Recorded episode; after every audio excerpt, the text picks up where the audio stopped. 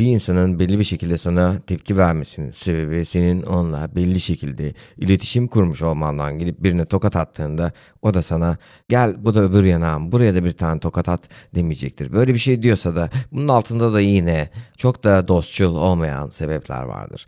Şimdi hepimiz bir tepki veriyoruz çünkü yaptığımız her şeyi bir tepki. Bir tepki verdiğinde bir şeye bu işe eğer yaramıyorsa neden bunu tekrar yapasın?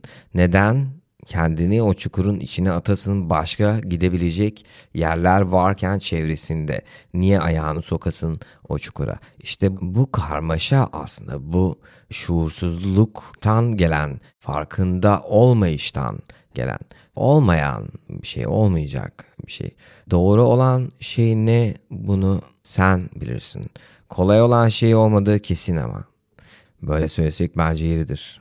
Doğru olan şeyler zor doğru söyleyeni dokuz köyden kovarlar diye boşuna dememişler. Bir insan hakkında onun nasıl olduğunu söylemeye başladığın anda o insan senden nefret etmeye başlayacaktır. Çünkü sen kimsin ki bu insanın bir katmanını görürken e, bu insan hakkında bir yorum yapabiliyorsun. Tabi ama bu doğru söyleyin dokuz köyden kovarlar lafı biraz daha geniş de alabiliriz. Yani gidip bugün bir şey söylediğinde seni dokuz köyden kovmuyorlar da bir kodesin içine atabiliyorlar.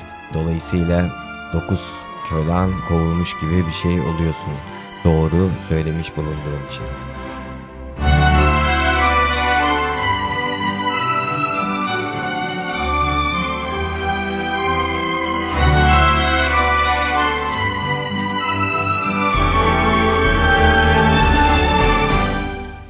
Günlük Ötesi Podcast'i tüm podcast platformlarından dinleyebilirsin. Hazır buradayken Instagram sayfamızı ve diğer sosyal sayfalarımızda takip etmeyi unutma. Bir dahaki bölümde görüşürüz.